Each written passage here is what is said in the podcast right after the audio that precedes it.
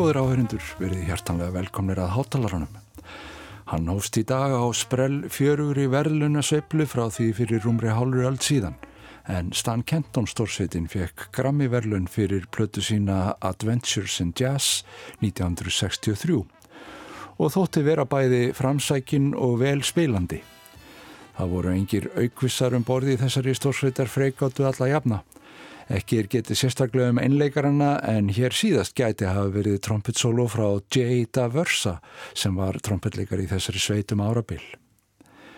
Og trompetmunstykkið fellur ekki langt frá bjöllunni eins og þar stendur Sónur Jays, John Daversa, tók á dögunum á móti grammiverlunum fyrir sitt stórsveitarframlag á árinu 2018. Fleiri en einn verðlun reyndar en við skulum heyra hvernig hljómar trompetsóluðið sem Grammy Akademíunni þótti skara fram úr á árinu. Lægið velþektur strísestur jazz og daglega heimsins Don't Fence Me In eftir Cole Porter.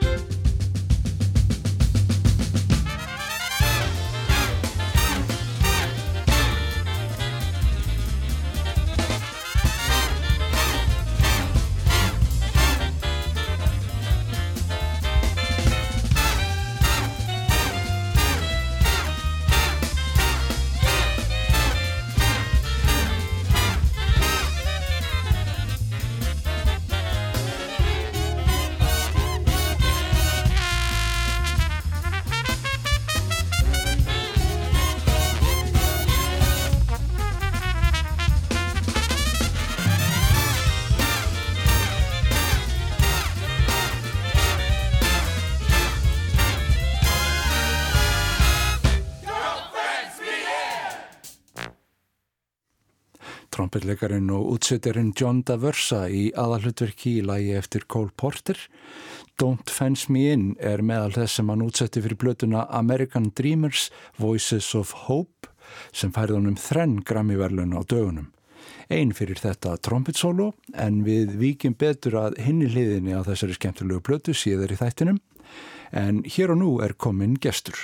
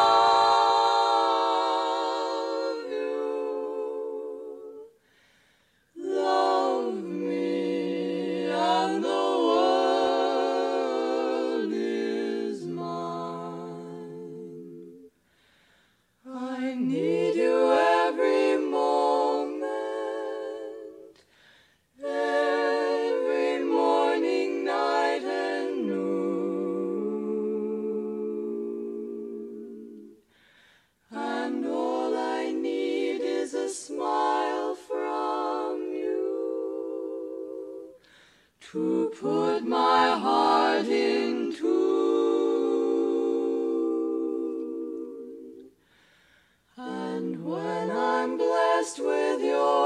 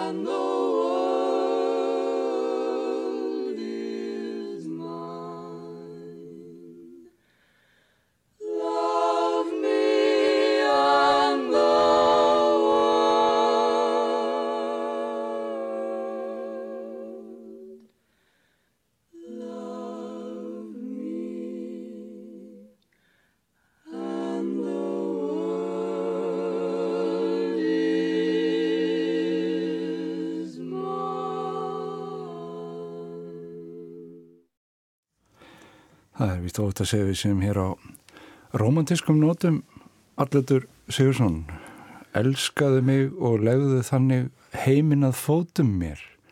Þetta er nú valentínu sem dagurinn löngu liðinn og samtljómar hérna músik frá þér sem að við, við hefum allir vilja heyra bara á bæði bóndadaginn og valentínu sem daginn Jú, akkurat og þetta hefur verið svolítið svona sound, eh, já, soundtrack eða svona hljóðmyndi mín þar sem ég hef gengið svona í gungutúra í falleri snjókomu að hlusta á, á mm. þetta, þessar íðurförurattir The Cordettes ah. uh, hlustundur kunna eflust, kunnast eflust við lagið uh, Mr. Sandman já. og hérna Lollipop Einmitt. sem að þær gerðu mjög frægt mm. uh, mjög, mjög fræg en það er mitt, það, þessi upptaka hún, hún bjagast svolítið. Já. og svolítið kald svona kaldvennislegt eða svona áfsalega fallegu samspili rattana þá Já. ég held bara að, að grænar hafi bara ripnað af, af ást Já, allir það ekki. hljóðnæmannir hafa bara ekki ráðið við þetta þeir hafa ekki ráðið við sig. Eins og hérna í einræðisherra Sjaplin það sem að þið sveigjast undan undan þeim Já, þetta er bara, þeir, þeir overdósa af Já. ást hljóðnæmannir. Það hafa verið algengt að þeir syngja svona a cappella, ég er að reyna að muna það. Þetta er sko alveg eh, fyrstu upptökunar sem að það gera. Um, með þeim allra fyrstu ég held að þetta, sé frá 40, nei, 51 mm. sem að þetta er tekið upp 51 eða 2 að þær byrjuði að syngja saman 1946 já, já. Og svolítið aðtilsvöld í ljósi þess að, að setna eiga þær svona rock og popslægara Já, frá já, held að 54 kom í Mr. Sandman út þá var það með mitt hljómsveit spilaði undir já. Þetta hefur höfða til eitthvað svona smæri hóps eða, eða færri væntanlega. Já. En fallegt er þetta.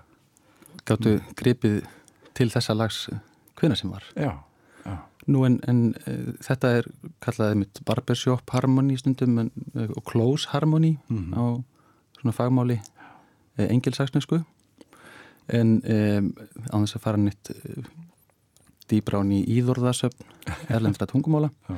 þá kannski lustu við núna á an, annan rakarastofu kvartett já, það eru Mills bræður Mills Brothers með leið Coney Island Washboard Coney Island washboard she would play. You could hear her on the boardwalk every day. Soap suds all around, little bubbles on the ground. Rub-a-dub-a-dub in her little tub, all those tunes she found. The little thimbles on her fingers made the noise. She played Charleston on the laundry for the boys.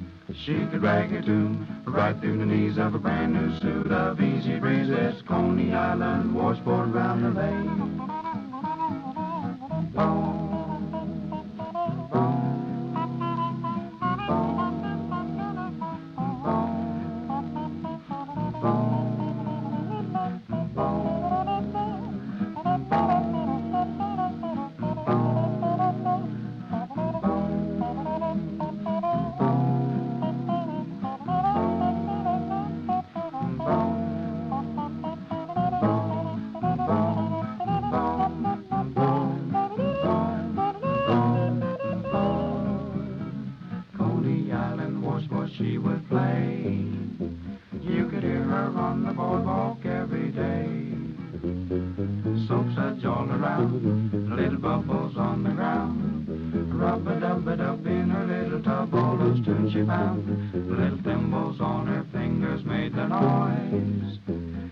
Charleston on the laundry for the boys.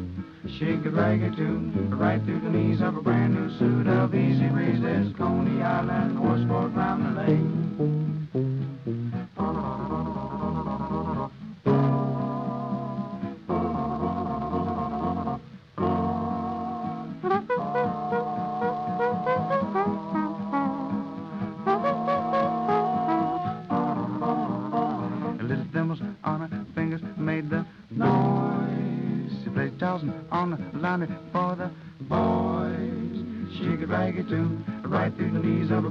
Brand new suit of easy breezes. Coney Island washboard, Coney Island washboard round, Coney Island washboard round the lane.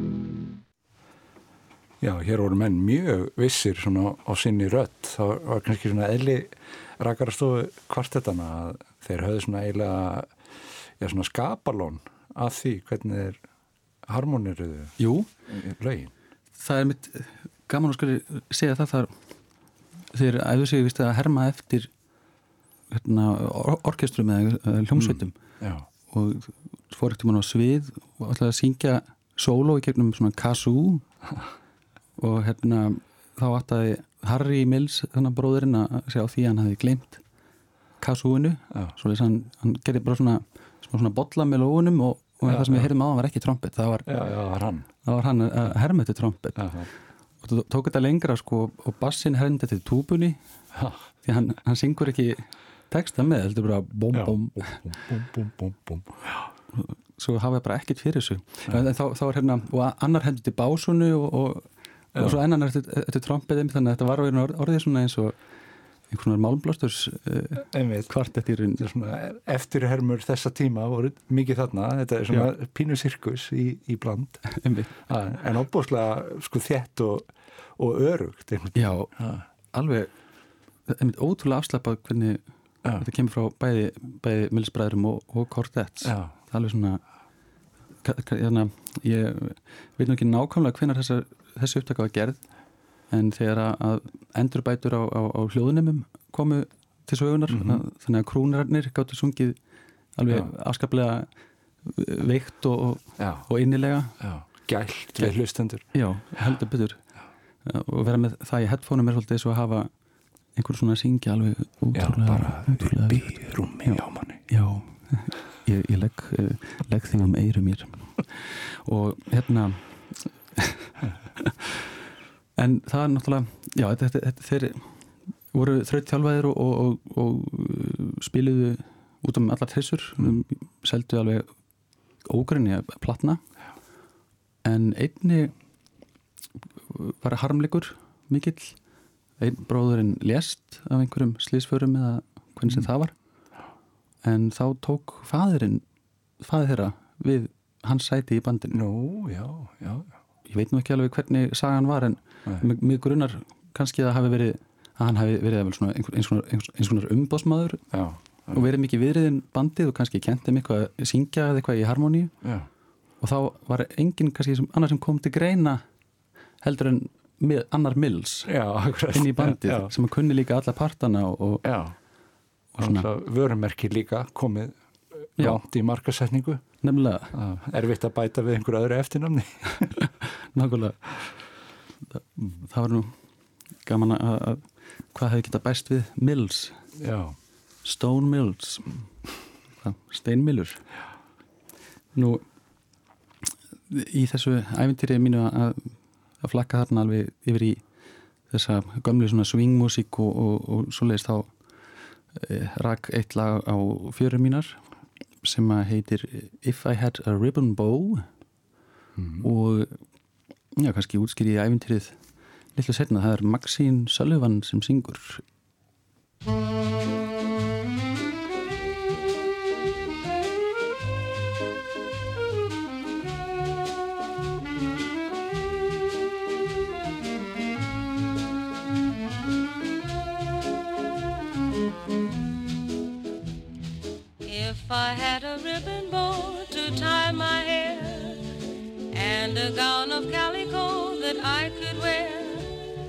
surely get a sweetheart, a prince or a king, a palace home where I would have everything. If I had a ribbon bow to tie my hair, this old world could come and go, I wouldn't care. I'd stay up in my castle and I'd always wear a ribbon bow so fine to tie my hair all the live long day above me. All I do is pray for someone to love me. If I had a ribbon bow all nice and clean, I could be a princess or a fairy queen. Prince Charming then would court me, his love he would swear. If I had a ribbon bow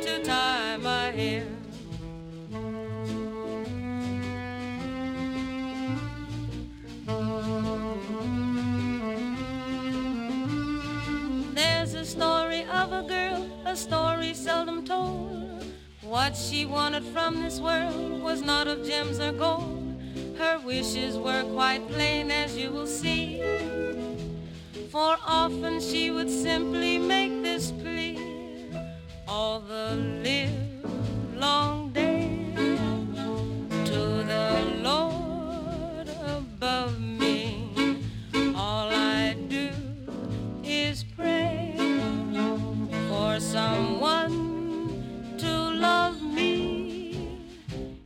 If I had a ribbon bow all nice and clean, I could be a princess or a fairy queen. Prince Charming then would court me, his love he would swear. If I had a ribbon bow, a pretty little ribbon bow. Prince Charming then would court me, his love he would swear. If I had a ribbon bow to tie my hair.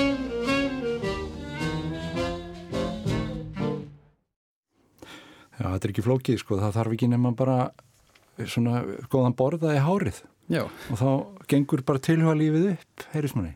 það er, það er forundilegt hvað bandaríkin eiga til að, að tala um þess að boga.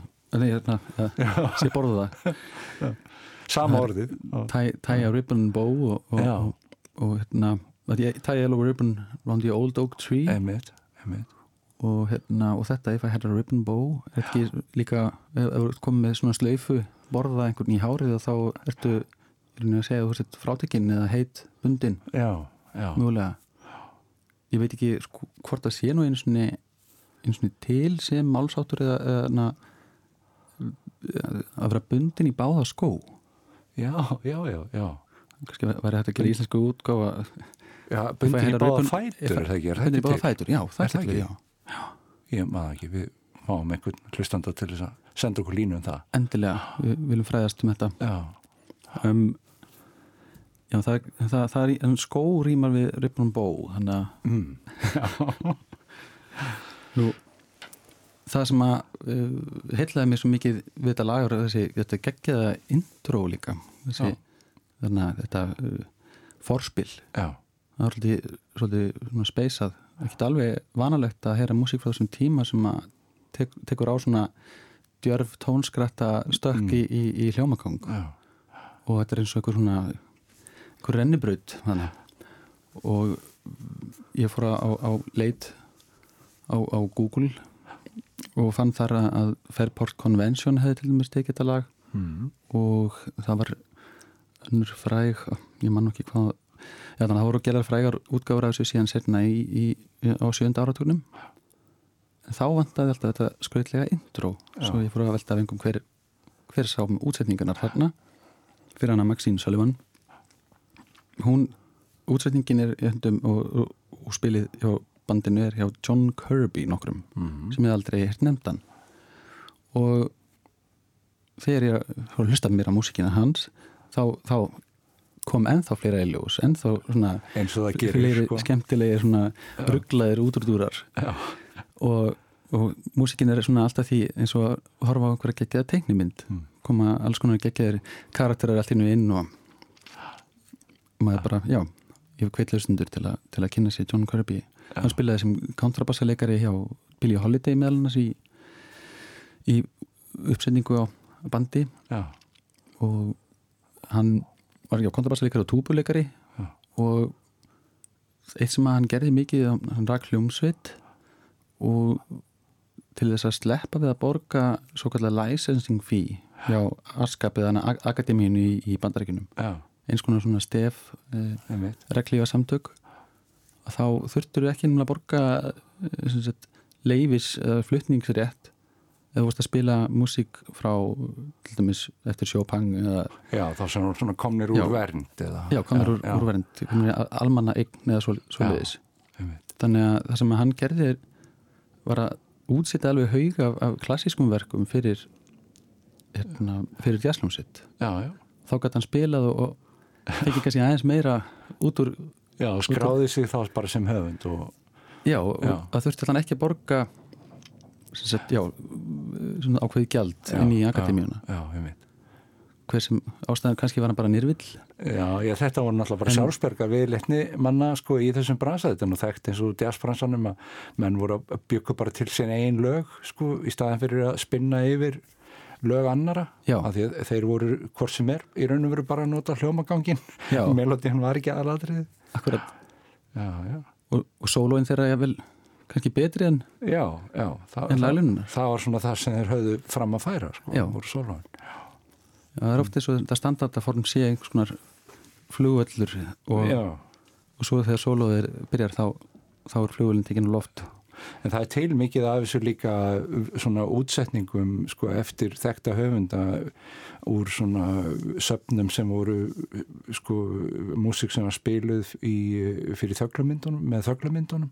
Já, var heyrir til dæmis Tchaikovsky og Verdi og svona einhverjum mjög sérkennlegum ragtæmi útsetningum þar. já Svo, já, það var líka verið hérna, var mikið spunnið líka við Já, jú, jú. og ég hugsa að hljóta að hafa verið geggja starfa að vera að spila undir í svona hljóðlótum eða hljóðum kvikmyndum. Já, já, akkurat. Ömmu sýstir mín Margrét Eiristóttir hún einmitt spilaði undir svona í, í, bíóhúsum. Já, já, og það var, einmitt, það var vist mikið spunnið í hana nei, og um með spunnið á staðnum. Já, já. og sennilega hafi verið með einhverja kannski hérna, einhver skor einhver, svona, já.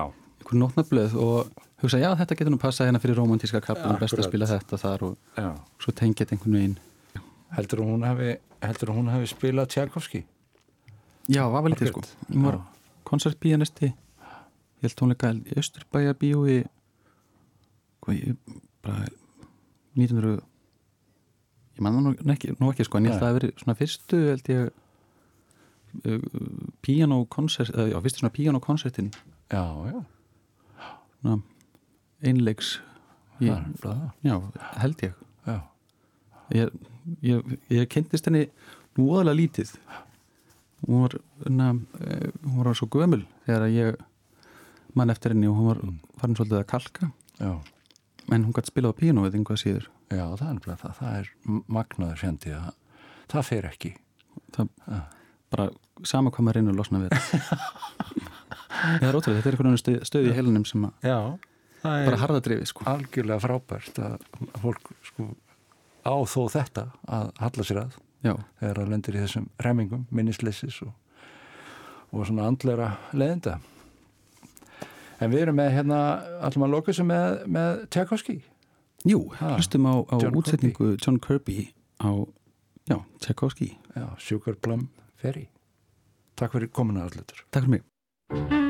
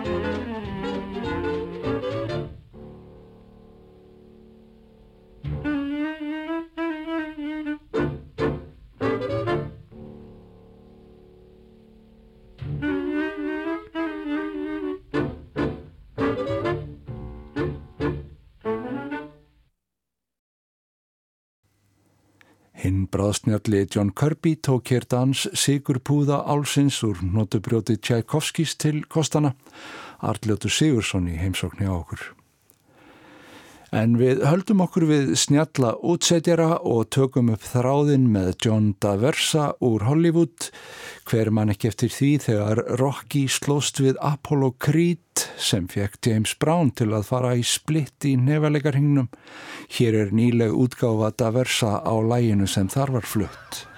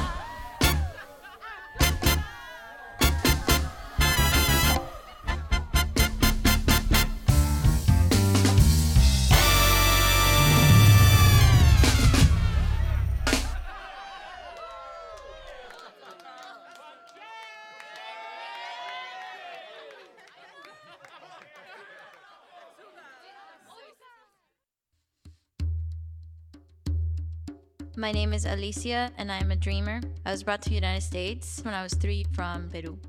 I played the drum.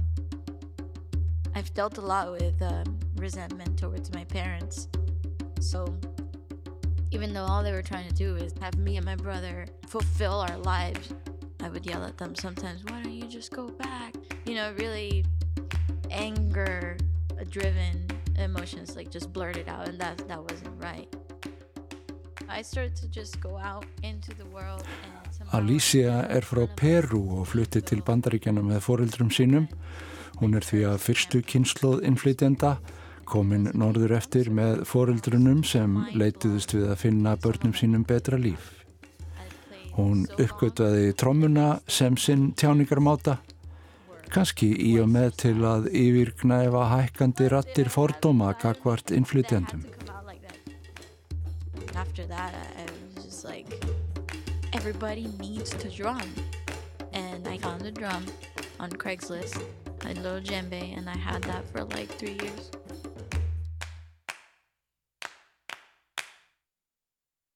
My name is Juan Carlos, and I am a dreamer. I was brought to America at age eight from Mexico, and I play the pipe organ. At church, they needed somebody to play, and I said, I'll play. I called the only organ teacher who taught, and she said, No, I don't teach beginners. So I said, Okay, I'll teach myself. I just read books and watch videos. Juan Carlos kom til bandaríkina 8 ára gammalt frá Mexiko og kynntist orgelleik í kirkjunni en fann ekki kennara sem var til í að kenna byrjendum. Hann dóð þó ekki ráðalös heldur aflaði sér upplýsinga á netinu og í bókum þáka til hann fór aftur til sama kennara sem var að við kennaðan væri ekki byrjandi lengur. Juan Carlos segir að samheldni fæðist ekki af einsleitni heldur af því að fagna fjölbreytileikan. I don't think unity comes from everybody being the same, but respecting people's differences. I think that's the real unity of America.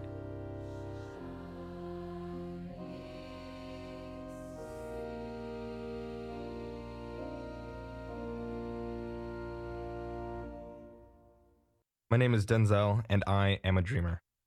I was brought to America at age five from Singapore, and I play trombone. My family came here legally through my father's work visa. I was one of the four elementary school students in my school to be chosen for this choir performance. I remember one empty seat, and it was my father.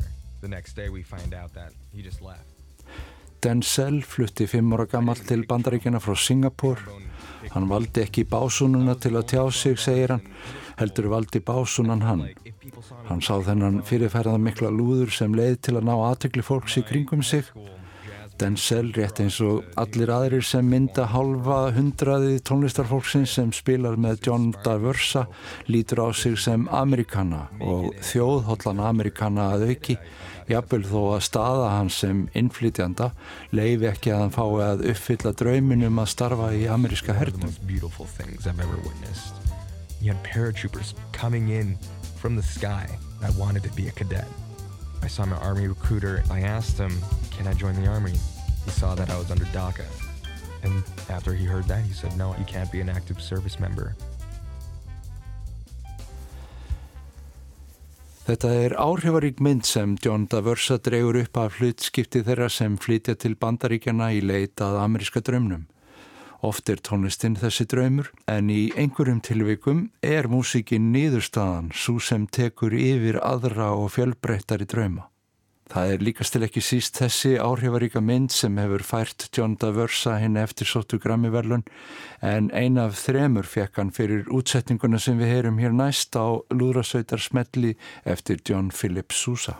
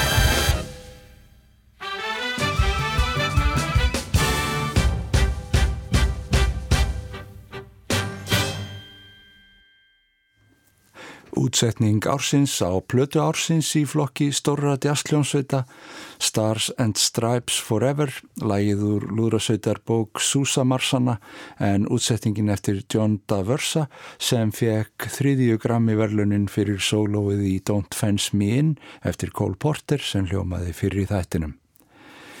En við ljúkum þess að sinni með því að fá annað lag frá Stan Kenton stórsveitinni sem var fyrir mynd John Staversa fyrir 50 árum síðan þegar fadur hans leik þar á trompet. Kannski er það einmitt hans sem blæs hér í Blues Before and After. Takk fyrir að lusta hótalarun.